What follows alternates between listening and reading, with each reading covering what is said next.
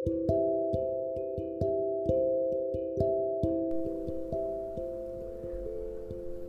suatu malam Karya Sapardi Djoko Damono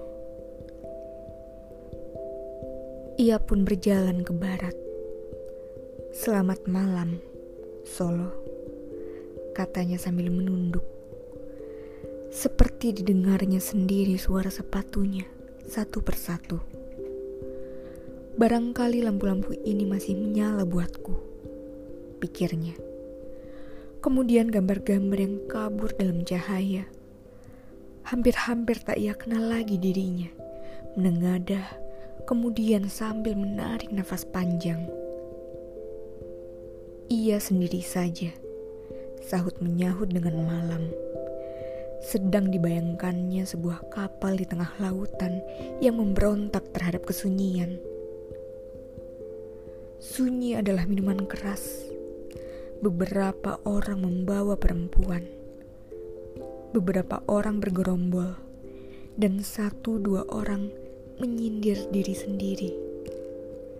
Kadang memang tak ada lelucon lain. Barangkali sejuta mata itu memandang ke arahku. Pikirnya. Ia pun berjalan ke barat, merapat ke masa lampau. Selamat malam gereja. Hei, kaukah anak kecil yang dahulu menangis di depan pintuku itu? Ia ingat kawan-kawannya pada suatu hari Natal di dalam gereja itu. Dengan pakaian serba baru, bernyanyi, dan ia di luar pintu. Ia pernah ingin sekali bertemu Yesus.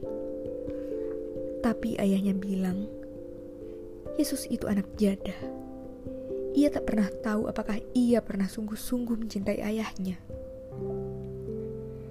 Barangkali malam ini Yesus mencariku, pikirnya.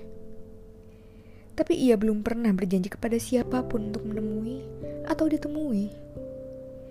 Ia benci kepada setiap kepercayaan yang dipermainkan.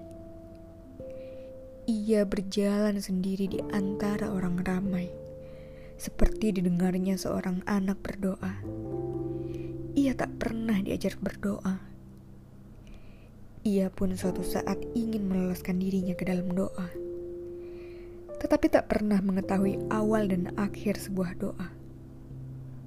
Ia tak pernah tahu kenapa. Barangkali seluruh hidupku adalah sebuah doa yang panjang, katanya sendiri. Ia merasa seperti tentram dengan jawabannya sendiri. Hidup adalah doa yang panjang. Pagi tadi ia bertemu seseorang. Ia sudah lupa namanya, lupa wajahnya, berdoa sambil berjalan. Ia ingin berdoa malam ini, tapi tak bisa mengakhiri, tak bisa menemukan kata penghabisan. Ia selalu merasa sakit dan malu setiap kali berpikir tentang dosa. Ia selalu akan pingsan kalau berpikir tentang mati dan hidup abadi. Barangkali Tuhan seperti kepala sekolah. Pikirnya ketika dulu ia masih di sekolah rendah. Barangkali Tuhan akan mengeluarkan dan menghukum murid yang nakal, membiarkannya bergelandangan dimakan iblis Barangkali Tuhan sedang mengawasi aku dengan curiga. Pikirnya malam ini, mengawasi seorang yang selalu gagal berdoa. Apakah ia juga pernah berdoa? Tanyanya ketika berpapasan dengan seorang perempuan. Perempuan itu setangkai bunga. Apakah ia juga pernah bertemu Yesus?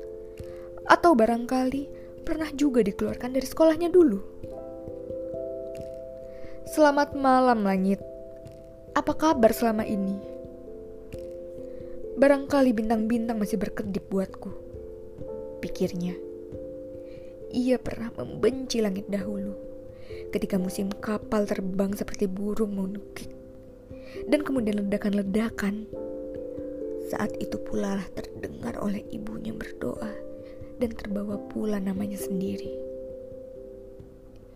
Kadang ia ingin ke langit, kadang ia ingin mengembara saja ke tanah-tanah yang jauh. Pada suatu saat yang dingin, ia ingin lekas kawin, membangun tempat tinggal. Ia pernah merasa seperti si pandir menghadapi angka-angka. Ia pun tak berani memandang dirinya sendiri ketika pada akhirnya tak ditemukannya kuncinya.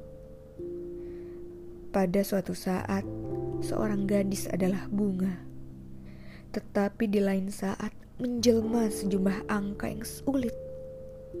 Ah, ia tak berani berkhayal tentang biara. Ia takut membayangkan dirinya sendiri. Ia pun ingin lolos dari lampu-lampu dan suara-suara malam hari dan melepaskan genggamannya dari kenyataan.